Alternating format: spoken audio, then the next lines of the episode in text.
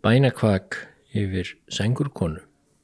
Ég hef alltaf verið engar hrifin af minningum Gíðu Torlasíus frá dvöl hennar á Íslandi í blábyrjun 19. aldar en það veit að það er einstæða einsýn í hverstagslíf og hlutskipti kvenna. Þessi teksti hér byrtist áður í frettablaðinu þann 9. november 2013.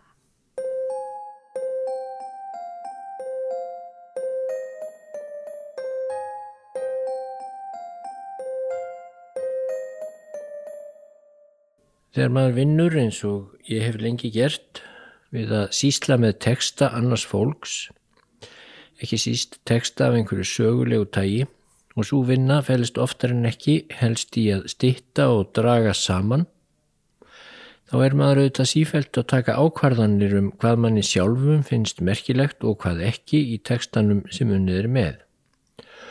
Og maður verður veit að skuld að treysta sinni eigin domgrind en það ekki við annað að styðjast og maður telur sig vera færan í flestan sjófið að greina hismið frá kjarnanum. En stundum rekst maður á dæmi um slík vinnubröð sem færa manni heim sanninum hver svona vinna er í raun bundin personunni sem hana vinnur, tímanum og fordómum allskonar. Mér hefur til dæmis æfinlega þótt sjálfsæfisaga Gíðu Torlasíus, eitt besta dæmið um það. Gíða var dönsk, hún hétt upphaflega Gíði Hóvits og var dóttir gistihús eiganda á Amager. Hún fættist árið 1782 og giftist 1801 ungum lögfræðingi sem var af íslenskum biskupættum. Hann hétt Þorður Torlasíus og sama ár og þau giða gengu í hjónaband var hann gerður síslumadur í söður múlasíslu á Íslandi. Þau hjón segldu til Eskifjörðar og bjöku þar fyrstu árin en síðan lengst af á Reyðarfyrði. Þau heldu endanlega af landi brott árið 1815.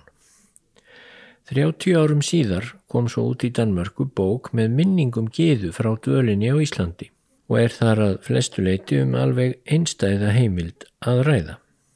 Næri engar íslenskar konur skrifuðu minningar sínar fyrir en allöngu síðar og geða lýsir samfélagi og þjóðháttum á Íslandi í upphafi 19. aldar betur en flestir aðrir hafa gert. Sá galli er hins vegar á gjöfnjarðar að ekki nema hluti hinnar útgefnu bókar var eiginlegur texti gíðu sjálfrar. Afgangurinn var endursögn, tengdasónar hennar. Það var danskur guðfræðingur sem annaðist útgafu bókarinnar eins og það hétt. Ekki er gott að segja hversu mikið hefur tapast af því sem Gíða vildi sjálf sagt hafa, því upprunalegt handrit hennar glataðist því miður í brunasöður í Danmarku þar sem þau hjónin byggu eftir að þau fóru frá Íslandi 1815. Þetta er stundum tilfinnanlegt, engum vegna þess að Gíða er greinilega bísna opinskár sögumadur í sínum eigin teksta og því lítur lesandi að velta fyrir sér hvort hennar frásögn hafi kannski verið enn opinskári og reynskilinislegri. En þó er svo bók sem við höfum og þýtt var á íslensku árið 1947 heimild um svo margt sem líkt eða ekki greinir frá annar staðar. Gíða hófst til dæmis handa um að rækta matjúrtir sem þá voru enn fáséðar á Íslandi. Kálplöntur, ímiskonar, rófur, kerfil, spínat og fleira er allt spratt eftir vonum, segir hún en íslenskur stórbóndi í fjárrekstri hleyfti fjesínu inn í gardin meðan síslumannshjónin voru í burtu og sagði að ekki gerði mikið til þótt kindurnar træðu niður þessa grasóveru sem hann nefndi svo. Er bónda var bent á að síslumanni myndi ekki líka aðtæfi hans þá reyfan niður fiskhjall í bræði sinni en var síðan svo smjáðurslegur í fasi við eh, síslumannshjónin þegar hann heitti þau Kallaði hann mig Engil, skrifar Gíða, af því ég var í kvítum kjól.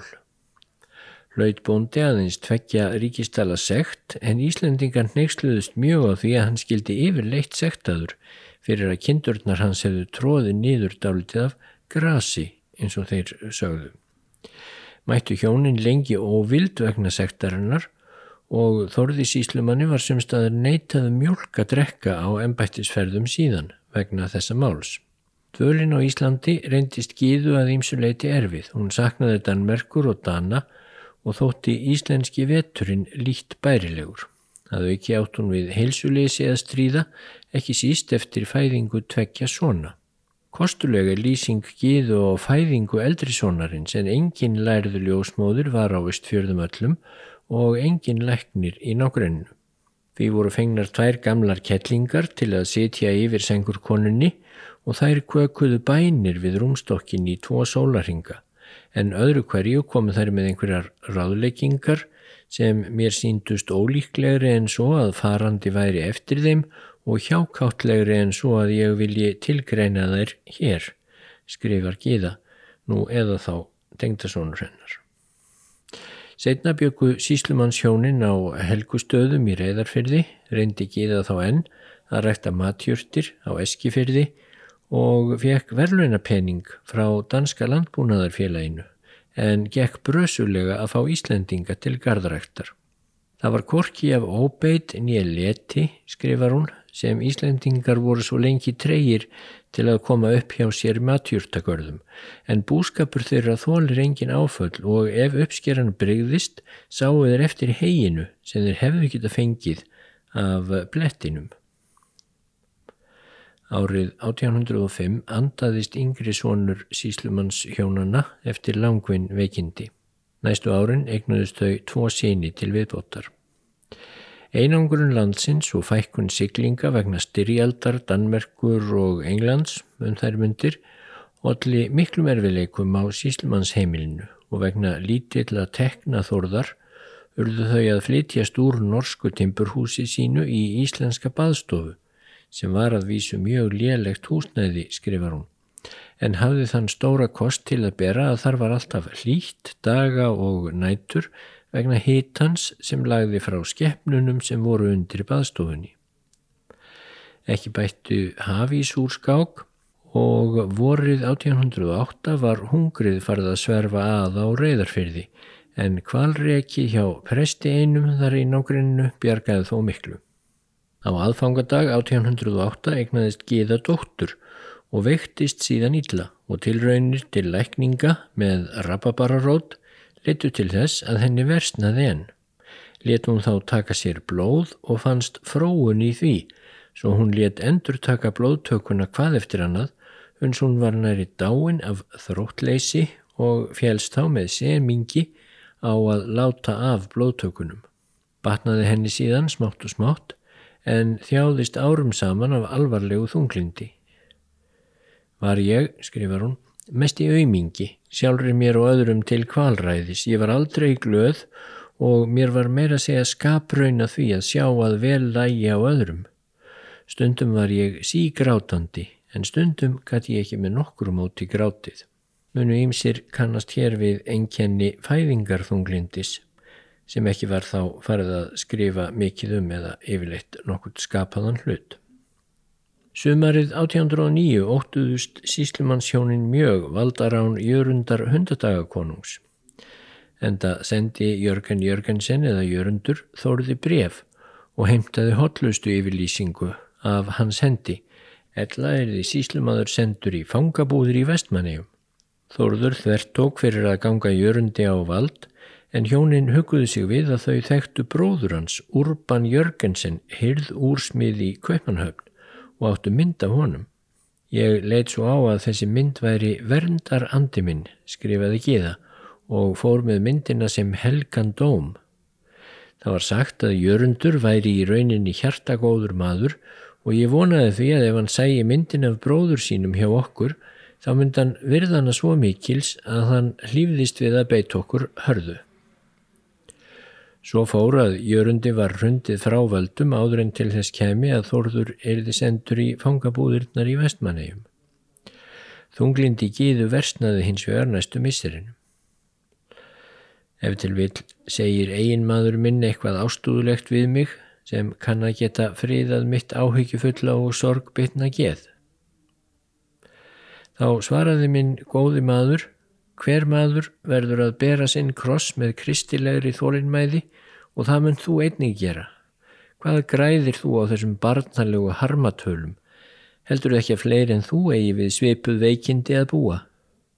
Þólinnmæðin þrautir vinnur allar með tíð og tíma en hinnir sífældu kvinnstafir þínir eru til einski skagns.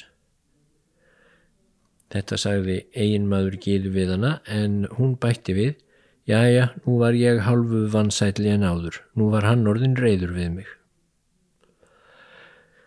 Árið 1811 egnaðist Gíða aðra dóttur og fór henni eftir það batnandi. Ennurðu harðindi samt til þess að gera hjónunum erfitt fyrir og 1812 fóru þau til Kaupmannhafnar þar sem þeim fættist einn dóttir enn en hún andaðist á leiðinni til Íslands aftur. Fekk Þórður nú veitingu fyrir árnessíslu og helt þangað á undan konu sinni en Gíða satt á eskifyrði og var þröngt í búi. Hún saumaði flíkur og sneið kjóla og hatta fyrir konur og dætur prestanna og kaupmannana Þannig endur segir tengdasónurinn frásögn Gíðu sjálfrar því að vegna þess að hún var svo nýlega komin heim frá Danmörku og Skotlandi gætt hún sniðið allt eftir nýjustu tísku.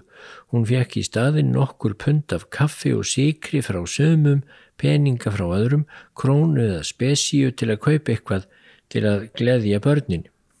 En við fáum því miður ekki að fretta þetta frá henni sjálfri og vantanlega er frásögnin af þessum þrengingum gíðu fyrir austan hér ansi mikið saman dregin af tengdasininum. En gíða let ekki sitt eftir likja við að bjarga sér, hún kendi Íslendingum nýjar prjóna aðferðir en lærði sjálf lítunar aðferðir af Íslendingum. Það er víst um það að Íslendingar eru miklu betur að sér en við er danir í þessu efni Þegar Íslendingar ætlaði að sapna vætu, þar að segja þvægi, úr mönnum og dýrum til að búa til litunnar lögin, þá veita þeir upp á hár hvaða fæðu og drikjar hverum sig á að neyta og hvaða skeppnu tegund á að nota til að fá fram þennan litin eða hinn.